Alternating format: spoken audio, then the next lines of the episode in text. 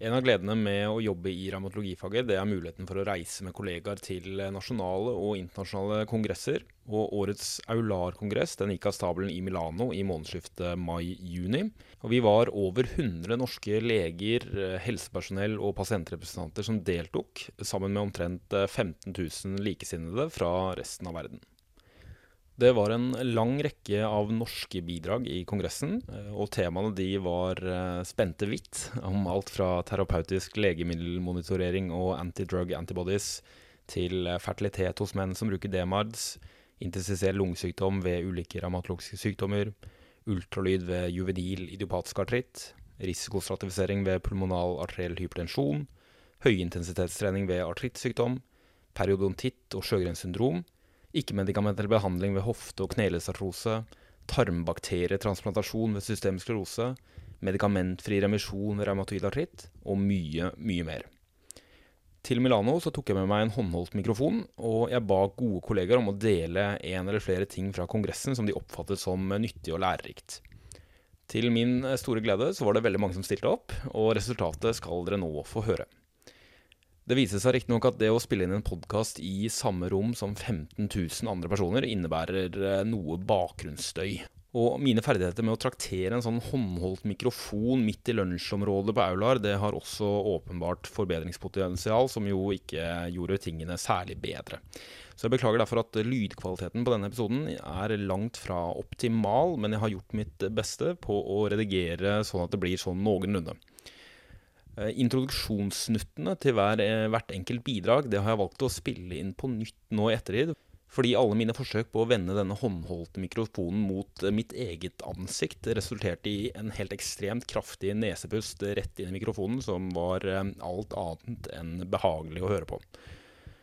Men nå setter jeg over til mine kolleger, og retter en stor takk til Emily, Marte, Sigrid, Bjørg Tilde, Gunstein, Hans, Eirik, Espen, Silje, Marianne, Håvard, Vibke, Svein Joar, Maria, Katrine, Pooja og Cosimo. God lytting. Emily Langballe, konstituert overlege og stipendiat ved Rikshospitalet. Emily, har du noe å dele med podkastlytterne? Ja, det har jeg. Jeg har eh, vært på en del spennende sesjoner, selvfølgelig. Men en ting som jeg syns var litt ekstra gøy, var at det er en del som har snakket om en ny ultralydteknikk som kanskje kan erstatte color og power doppler, som heter SMI. Som er en mikrovaskulær eh, Jeg vet ikke om det kalles dopplerteknikk, det, det er noe helt annet. Men det kan detektere lavvelositetsflow uten artefakter. Eh, og særlig så har det vært lovende ved budsjett. Så har, var det noen som hadde gjort en studie hvor de hadde undersøkt erytema nodosum-lignende lesjoner og sett på eller gjort en vurdering om det kunne være trombofilbitt eller eh, ikke det. Eh, og så fant de på de med trombofilbitt i budsjett, så fant de et høyere SMI-signal i karveggen i venene enn hos kontrollene som hadde andre årsaker til sin trombofilbitt. De har ikke sjekket friske kontroller, sånn at det er veldig mye mer studier som må til før man kan bruke det i praksis. Men det er kjempespennende. Og finnes, den teknikken fins allerede på apparatene, så vi kan liksom kanskje begynne å prøve det hvis man får nye ultralydapparater i klinikk. Så det blir veldig spennende å sjekke. Veldig bra. Tusen takk. Marte Mælen, overlege på Rikshospitalet. Har du noe spennende å dele? Ja, jeg var på Dette er kanskje litt sært og litt på siden, men det er noe jeg har tenkt på. Det var en, et abstrakt fra Frankrike som hadde sett på død hos pasienter, eh, kreftpasienter som hadde fått eh, immun checkpoint inhibitors og fått behandling da for immunrelaterte adverse events. Og da har de fått behandling enten med steroider og konvensjonelle CMRs eller biologisk terapi. Og så har de sammenlignet disse to gruppene og sett på om det var høyere dødelighet hos de som hadde fått biologisk behandling, og det var det ikke. Så det var helt lik dødelighet i de to gruppene. Så sånn sett så ser det ut til å ja, ikke øke risikoen kanskje for død da, med å behandle med biologisk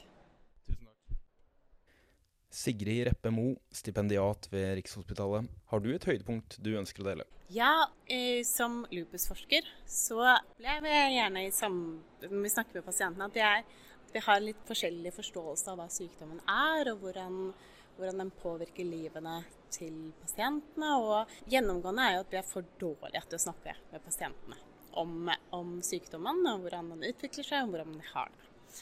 Eh, Og nå det, blir det mer og mer fokus på det i forskningen, syns jeg. Det startet i fjor eh, på Lupus-konferansen i Stockholm. Og de har presentert en del ting fra møter med pasienter og leger som var på det, eh, på det Lupus-konferansen i fjor, som jeg syns er veldig spennende, og som jeg tror det er viktig å ta med seg inn i poliklinikken. Da. Og det er, jeg kan nevne et abstract hvor de snakket om flair, hvordan leger oppfatter flere, eh, og hvordan pasienten oppfatter flair. Og det er jo litt sånn som man ville forventet, at eh, vi leger vi er opptatt av det vi kan måle. Vi ser på antistoffene, og vi, vi ser på utslettet, vi ser på artritten. Eh, mens pasientene er opptatt av smerter, eh, de er opptatt av fatigue. Og eh, allting som vi ikke kan se, vi kan måle. Kanskje som også feber. Og jeg tror at når vi har så forskjellige oppfattelser av hvordan et player er, eh, så må vi mm, huske på hva, hva pasientene er mest opptatt av. Hva, hva de oppfatter som sykdomsaktivitet. Eh, og jobbe mer med pasienten for å få dem til å forstå hvordan vi tenker. Og så må vi eh, forstå hvordan de tenker. Eh, så det er nesten egentlig det jeg syns har vært mest spennende her i år. Tusen takk, Sigrid. Bjørg Tilde Svanes Fevang, overlege ved Haukeland og professor ved Universitetet i Bergen. Har du noe du ønsker å dele med podkasten? Eh, ja, det har vært mye bra. Jeg tenkte å nevne en sesjon som var litt eh, særere det var en som handlet om grensesnittet mellom hematologi og rheumatologi. Eh, hvor de presenterte noen litt spennende kasus. Eh, og det syntes jeg var gøy, for det var litt sånne kasus som vi ser hos oss og diskuterer på morgenmøtene. Det var to kasus um, som handlet om typiske pasienter med feber, cytopenier. Det var litt hudaffeksjon på noen av de. Eh, og de hadde antistoffer. Og det, sånn Man tenkte veldig at det var revmatologi. En av de hadde vel ANA og SSA-positiv. Den andre Eh, antiko positiv antikoagulant, tror jeg. Eh, og de ble utredet lenge og vel, i tre måneder. Biopsier fra affiserte organ, glandler, hud flere steder. De var negativt. Eh, hermatologene var i bildet, liksom. Og, den ene av var, fikk til og med prednisolon. Men i hvert fall bottom line var Jo, og de utviklet HLH. så de kunne ligne mye på våre revmatologiske pasienter. Begge endte opp med en diagnose på en sånn kutan T-cellelymfom. Eh, og begge døde. Og jeg tenkte Det syntes jeg var interessant å ta med meg til min, tilbake til klinikken. Tusen takk for det, Tille. Gunstein Bakkeland, overlege i Tromsø. Nå er jeg spent på å høre et av dine høydepunkt fra Aular 2023. Ja, jeg hadde noen eh, litt uventa høydepunkt som var på et satellittsymposium eh, nå på morgenen i dag. Der de presenterte data på som CAR T-cell B-cell depletion eh, ved SLE fra Georg Schetz i gruppa i Erlangen. Eh, der hadde de eh, behandla seks pasienter med refraktær lupus. alvorlig affeksjon, høy sykdomsaktivitet. og så gjennomførte de da en, behandling der de eh, høster T-celler fra pasienten og eh, gjør en prosedyre med det her, sånn at du kan føre tilbake eh, T-celler som har en sånn eh, chimeric eh, antigen receptor, som da gjenkjenner CD19 på B-cellen, eh, og som kan fjerne de eh, helt. Og I motsetning til det som vi oppnår hvis vi bruker f.eks. Rituximab, der du har eh, B-celler igjen i, særlig i lymfoid vev, så får du en komplett eh, Eh, reduksjon, da, en komplett fjerning av B-cellen. Men det som er helt genialt, er at du beholder plasmacellene. Sånn at du beholder din eh, naturlige immunitet og eh, tidligere vaksinerespons osv. Eh, men i denne studien her så, så de en komplett eh, eh tilbakegang f.eks. av DSDNA. Så i løpet av kort tid, bare, bare noen dager etter behandlinga, så var det helt nede på null. Den første pasienten jeg hadde gjort det her på, det var en ung kvinne som hadde eh, en alvorlig nefritt med, med, mye proteineri, eh, pleuritt og perikarditt. Og hun ble helt symptomfri og var eh, uten videre behandling var hun fortsatt i remisjon to år etter den første behandlinga. Og Potensialet for denne behandlingsmetoden det kan faktisk omfatte alle de sykdommene våre som har vært B-celledrevet, som, som, vi til nå har gitt Rituximab. Eh, så det er et område som var helt utrolig spennende å se de resultatene. Og, eh, og det blir veldig spennende å se om et år, da, når man begynner kanskje å komme med, med resultater på, på RA f.eks., og se hva de kan oppnå der.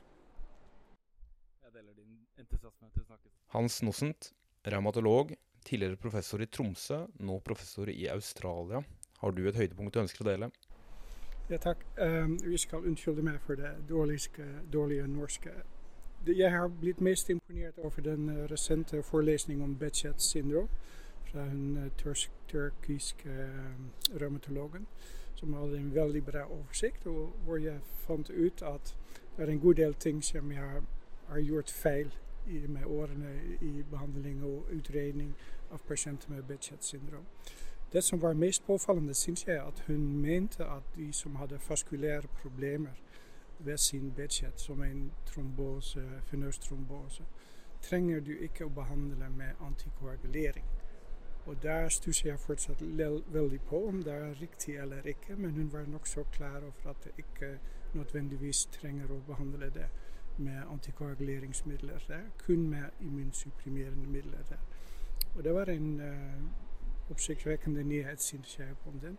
Samtidig at hun hadde en veldig bra oversikt over de utbredte organmanifestasjoner som de kan få ved Bechet syndrom, eh, som jeg har lært mye av. Så det var for meg den mest uh, lærerike opplevelsen hittil. Eirik Klami Kristianslund, overlege i revmatologi og postdok ved Remedy-senteret. Har du et høydepunkt du ønsker å dele med podkastlytterne? Jeg må si at uh, Det jeg har likt veldig godt med kongressen, er å se hvor godt uh, mine, de jeg jobber sammen med ved Remedy-senteret, klarer seg i, i, i internasjonal sammenheng. Og, og, se alle de fine abstractene og presentasjonene fra, fra oss. Vi hadde to, uh, to, presentasjoner i abstract plenary. Vi har hatt fine, fine muntlige presentasjoner og, og poster tours. Og det er veldig gøy innenfor mange forskjellige fagområder. Helt enig. Strålende representasjon fra Remedy på Aular i år. Takk skal du ha, Erik. Espen A. Håvardsholm, professor i revmatologi ved Universitetet i Oslo og senterleder ved Remedy. Har du noe spennende å dele med podkasten? Jo takk, jeg syns det har vært uh, mye, mye, bra her. Men uh, noe som har vært uh, veldig mye debatt rundt de siste par årene, er jo jakkhemmere og bivirkninger, og da særlig kardiovaskulære bivirkninger og dette med malignitet. Og um, det har jo medført store endringer i praksis, og det er advarsler fra FDA og EMA og Der kom det noe interessante data i dag på en um, sesjon om um, RA og observasjonsdata. ene var fra um, Martin uh, Schäfer og, gikk på malignitet og insidens fra registerdata. Eh, tyske registre, Rabbit, eh, et stort, stort eh, observasjonsregister. Og hvor de hadde sett på samme populasjon som var i denne oral surveillance-studien. Og de fant vel at det var eh, numerisk eh, noe mer eh, ved Jack kontra de andre medikamentklassene, men ingen signifikante endringer. Så de kunne ikke replikere disse, disse funnene. Og I samme sesjon så var det også et stort internasjonalt registersamarbeid som heter Jackpot, som også mm, egentlig presenterte tilsvarende problemstilling, hvor de hadde sett på samme da, populasjon som Oral Surveillance og kardiovaskulære hendelser. Og heller ikke de kunne gjenfinne de samme funnene som fra Oral Surveillance. Og sånn sett så er det i hvert fall litt sånn betryggende safety-data fra real world data. Herlig. Tusen takk, Espen. Silje Syversen, overlege og forsker ved Diakonhjemmet sykehus. Nå er jeg spent på å høre et av dine høydepunkt fra Aular. De høydepunktene så langt eh, syns jeg egentlig har vært de debattene jeg har vært på. Den eh, første debatten eh, i går som eh, dreide seg om autoimmunitet utløses av covid-19, var en interessant debatt hvor nok Robert Landevé trakk det lengste strået. Hvor han radbrekket en del av de studiene som var gjort som viste økt forekomst av autoimmunitet etter at pasienten hadde gjennomgått covid-19. Det var en morsom, morsom debatt, syns jeg. Og så var det debatten i dag omkring preklinisk RA og behandling eh, av den, versus overbehandling. Eh, det var også en veldig interessant eh, debatt, og hvordan man på en måte tolker en av de store interessante studiene som ble presentert på denne kongressen, da, PRIPRA-studien med abatasept-effekt hos pasienter med preklinisk RA eller klinisk suspekt artralgi. Og den, disse dataene kan man åpenbart tolke på, på to ulike måter. Så det, det syns jeg også var en spennende debatt. Og jeg tror ikke siste ord er, er sagt i den sammenheng ennå. Og sånn helt personlig så var den debatten som kom etter Marte Bruns presentasjon eh, av Nordrum-data og klinisk av, relevans av anti-legemiddelantistoffer mot infleksimab, hvor Jørgen Braun og en guru reiser seg opp og sier at du kan umulig mene at man skal måle antistoffer i klinikken. Og der syns jeg Marte svarte veldig godt eh, for seg. Det, det gjør vi faktisk eh, i Norge. Så eh, han ristet litt på hodet og sa at you really believe in those uh, antidrug antibodies. Så det, de tre debattene er nok det jeg kommer til å ta med meg hjem fra Aular. Tusen takk til deg. Marianne Valenius, overlege ved St. Olav og professor ved NTNU. Har du et høydepunkt du ønsker å dele?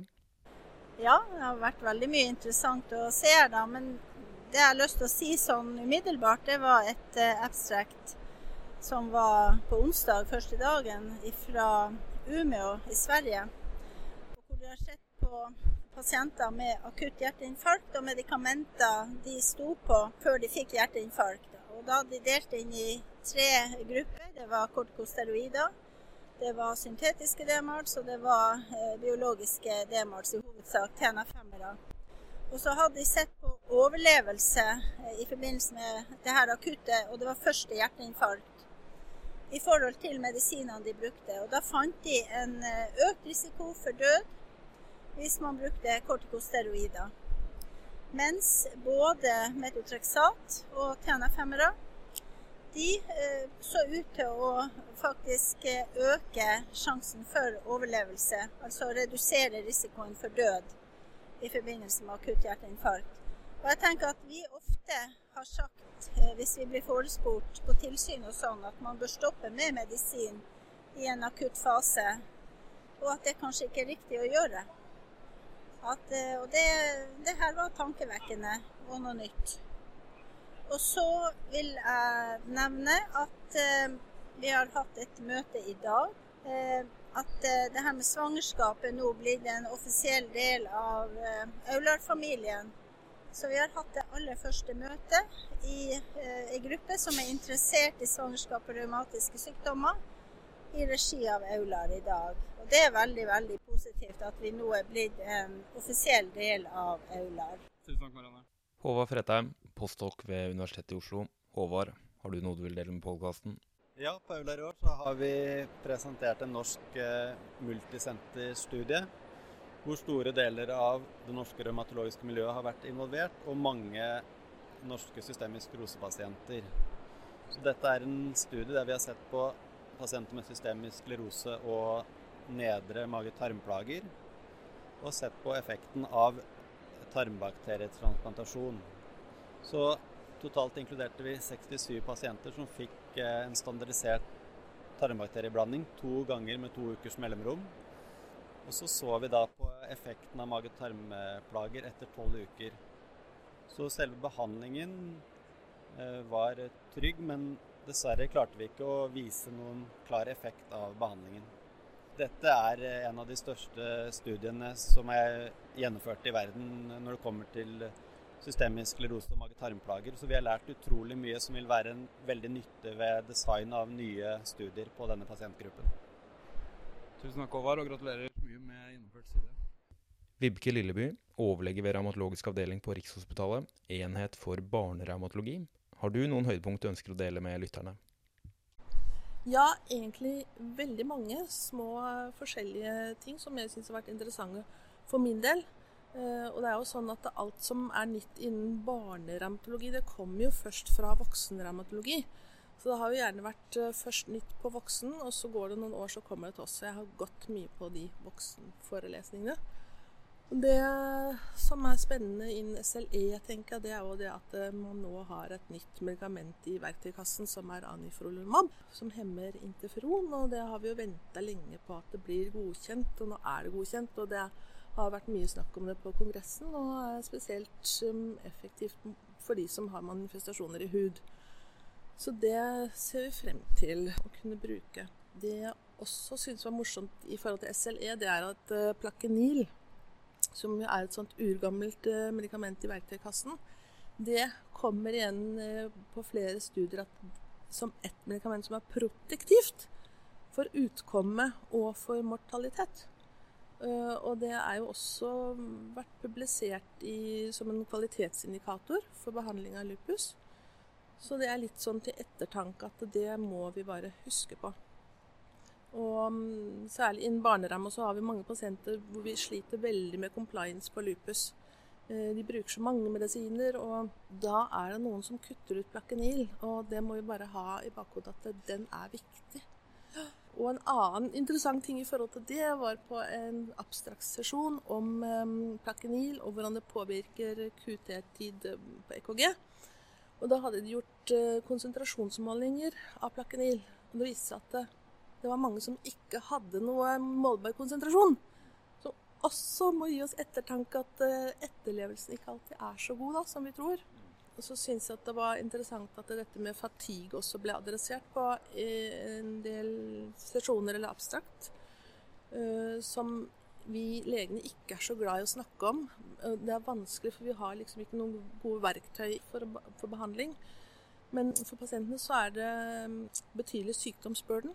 Uh, og da var det publisert uh, et digitalt verktøy som jeg tror også da er, var oversatt til engelsk, Livsstudien Eh, som i hvert fall eh, pasientene eh, var fornøyd med å bruke. Man vet ikke om det verktøyet hjelper på fatigue, men jeg tenkte at når vi har et skåringsverktøy, så er det fint for oss, og noe som er digitalt, for vi har ikke noe godt skåringsverktøy.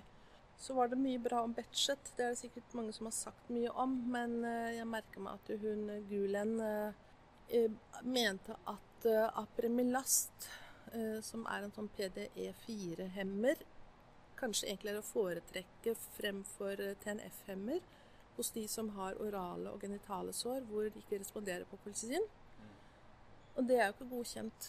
Vi har lyst til å forskrive det, men vi venter på ny metodevurdering. Så, men det er jo eh, Hun har store data publisert, så jeg ser frem til at den blir metodevurdert, at vi kan bruke den så febersyndromer, hm, det er noe som vi jobber en del med. Og der var det eh, noe interessant, en interessant forelesning fra hun Helen Lachmann, som har en feberklinikk eh, i London. Og jeg syns det var litt interessant at til tross for at vi har alle disse genetiske testene, svære genpaneler, så hadde i hennes populasjon så var det, det var over 40% som allikevel hadde et udifferensiert febersyndrom. Så det er mange som man ikke får kartlagt, som forblir udifferensierte. Men de fortjener jo å få ordentlig behandling og utredning. Uh, og det hun også var opptatt av, det synes jeg var et godt poeng, er at hvis du har mistanke om at det er et spesifikt eh, febersyndrom, så test spesifikt. Altså hvis du har mistanke om FMF, test på det. Mm. Og ikke bruk et genpanel med 200-400 mm. gener, som man jo kan rekvirere nå. Eh, for du får liksom 60% sjanse for å få resultater som du da ikke vet hvordan du skal interpretere til. Mm. Og vi har jo hatt pasienter da som liksom får avdekket risiko eller, eller, mutasjoner for andre sykdommer som Vil du faktisk vite om det? Ja. Altså være at man er litt kritisk i forhold til hva man rekvirerer. Mm. Og så var det um, en siste ting, og det var um, en sesjon som var Meet the Expert på Difficult uh, Dermatomyositis. Den hadde jeg litt mer, høyere forventninger til. Jeg trodde jeg skulle liksom få noen gullkorn. De fikk jeg ikke. Det, det som var et sånt gullkorn, var at han avsluttet med at det er to randomiserte pågående studier på jakkhemmer og, og dermatomyositt. Og um, det vet jeg også at det er planlagt det for juvenil dermatomyositt, for der venter jo veldig på jakkhemmere. For der har vi ikke noe biologisk medikament i vår behandlingsalgoritme. Det er fortsatt høydose steroider med alle de bivirkningene. Så vi venter på at vi liksom kan kanskje starte å bruke den tidlig og gi mye lavere glukokortikosteroiddose. Så Og I tillegg så irriterte det meg litt, for at jeg fikk et spørsmål om kalsinose og hvordan, kan man, hvordan kan man behandle det når det er inaktiv sykdom på muskel og hud. Og Da sa han at nei, der er det ingenting i verktøykassen. Det er jo feil, da, for det er jo flere studier som er publisert på IVIG. Og det vet vi. Der har vi også erfaring eh, klinisk at det har effekt. Så det var bare et sånn lite irritasjonsmoment på mitt ekspert. Tusen takk, Vibeke. Det var veldig flott. Svein Joar Johnsen, overlege i Stavanger. Har du noe spennende å dele? Jeg tenkte jeg kunne nevne for deg en sesjon som jeg tror ingen andre eh, jeg kjenner iallfall var på. Som jeg eh, fikk med meg. Eh, en sesjon om kunstig intelligens, eller artificial intelligence. For det er jo et tema som diskuteres mye. og så, så Hva kan man egentlig bruke dette til? Og Der var det en veldig fin presentasjon her som hadde noen konkrete eksempler fra radiologi. Blant annet så viser det at de hadde jo tatt korte MR-sekvenser til én vekterserier og så hadde de brukt eh, AI til å gjøre, generere da egentlig serier tilsvarende T2-vekter-serier. og de hadde òg brukt AI til å konstruere en slags CT-bilder ut fra MR-bilder. Eh, og i tillegg hadde de òg brukt AI til å ta CT-bilder med lav oppløsning. Og så da lagd algoritmer som, som tok bildene ut og, og, og, og rekonstruerte de på et vis med en høyere oppløsning enn det de egentlig hadde. Så, så, og I tillegg hadde han en del eh, ting som, eh, han, som de brukte, brukte AI-algoritmer til å, prioritere bilder og sette fokus på områder av interesse. Så for første gang så kom det en konkret eksempel på, på dette, så det blir spennende å høre mer om. Herlig. Tusen takk. Maria Boge Lausnes, overlege i Stavanger. Har du et høydepunkt å dele med podkasten? Eh, beste forelesningen jeg var på, det var fra ICU, eller altså intensivenhet, der de snakka om eh, to kasuistikker. Hvor den som var om katastrofisk eh, antifosfolipidsyndrom, syns jeg var veldig bra. Det var en del sånne kliniske poeng eh, om eh, hva man skal være obs på i settingen, hva faser i eh, sykdomsforløpet man er mest utsatt for å få katastrofisk antifosfolipidsyndrom. Jeg syns det var eh, Ja, og kom òg med behandlingsforslag for eh, pasienter som har dette, med kombinasjon med, vitamin K-antagonist og eh, steroider, og de brukte òg Ivig. I tillegg så var det Det har jo vært mye snakk om det med DOAC hos de som har antifosfolipidsyndrom. Og da var det var hun ikke så redd for å gi det hos de som hadde isolerte antikarlupinantistoff og ikke lupus anticoagulansis. Det var isolerte venøse tromboser. Så var det ei pasientgruppe som man, eh, som man måtte kunne akseptere og ikke gi eh, vitamin K-antagonismen eh, gi DOAC. Men ellers er jo det noe som man er redd for å gi til, eh, til denne gruppa. Ja. Herlig. Tusen takk, Maria. Katrine Brekke Norheim, overlege og avdelingssjef i Stavanger. Har du noe du vil dele med lytterne? Ja, nå kom jeg akkurat ut fra eh, en sesjon som gikk på relapserende polikondritt. En franskmann som het eh, Laurent Arnaud som snakket. Eh, det var en veldig fin gjennomgang helt fra når man stiller diagnosen til altså utredning og behandling av pasientene. Og et av poengene er at dette er en veldig, veldig sjelden sykdom. Sånn at man vil nok se flere pasienter som henvises med spørsmål om relapserende polykondritt, enn pasienter som faktisk har relapserende polykondritt.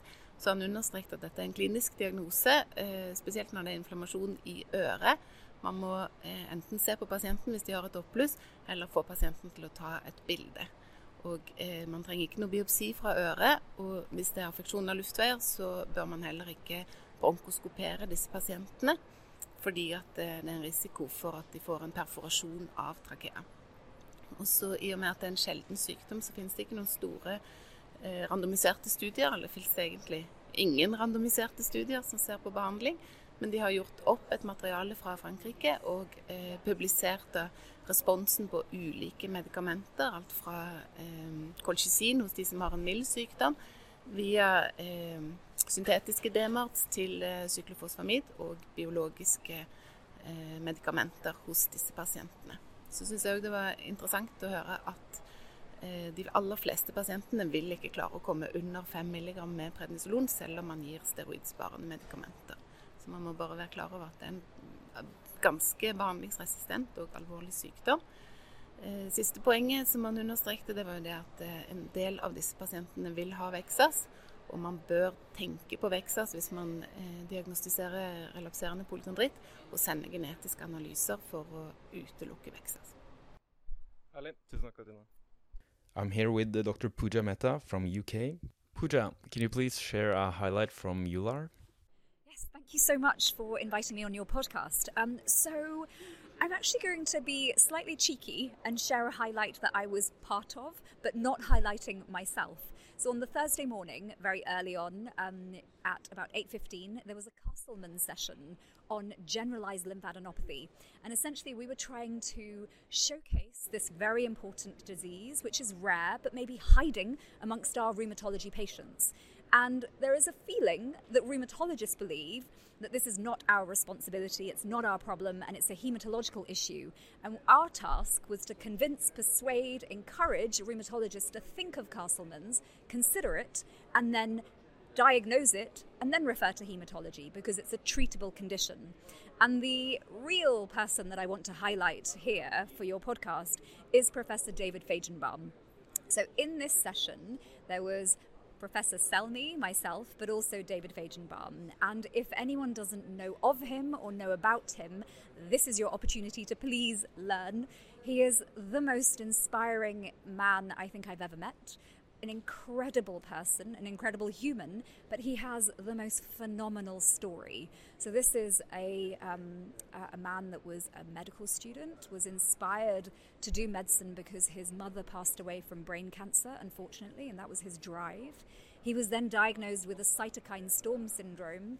Critically unwell, had his last rites read to him in hospital several times during this time, was diagnosed with Castleman's, this, lim- this uh, condition that is a systemic inflammatory illness with lymphadenopathy, was refractory to medications. We usually use interleukin 6 blockade, siltuximab is licensed. He was refractory. He took his own blood, took it to the laboratory, and then started researching. And he has set up the Center for Cytokine Storm Syndromes in Pennsylvania with a global consortium and collaborative network, all aiming to cure this disease. And he's also written a book called Chasing My Cure.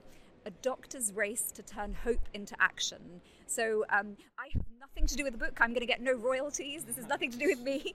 But I, I got the audiobook uh, for Christmas and it is phenomenal. It is inspiring and it reminds us all, whatever we're doing, RA, PSA, Angstbond, whatever, but it reminds us why we do what we do, really to help patients and improve the uh, knowledge base of our conditions to drive our diseases forward and progress and ultimately cures. So, Professor David Fagenbaum, catch up his lecture online um, if you missed it, and you will not be sorry. His story will stay with you for the rest of your life.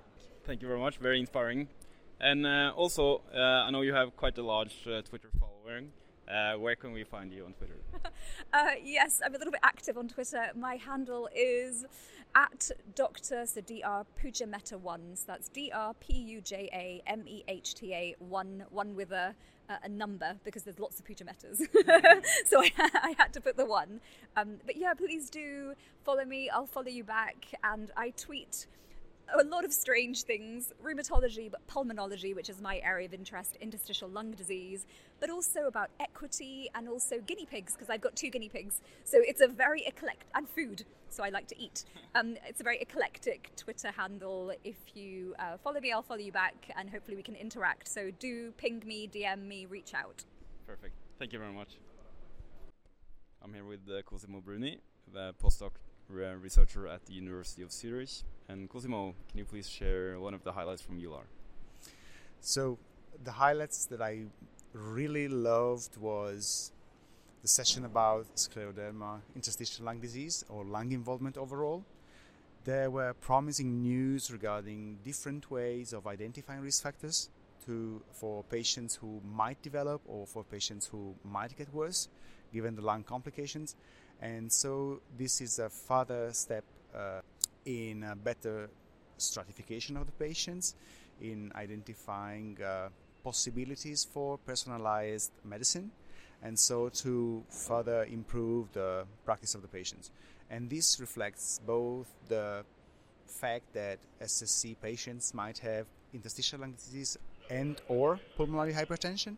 And so from this point of view, we should always keep in mind that the lung is a single entity itself. So not only consider the parenchyma or the vessels, but as a single entity itself, we should always keep this in mind and be open minded also from a clinical point of view. And I think this session really highlighted how this uh, organ, specific organ involvement should be uh, considered.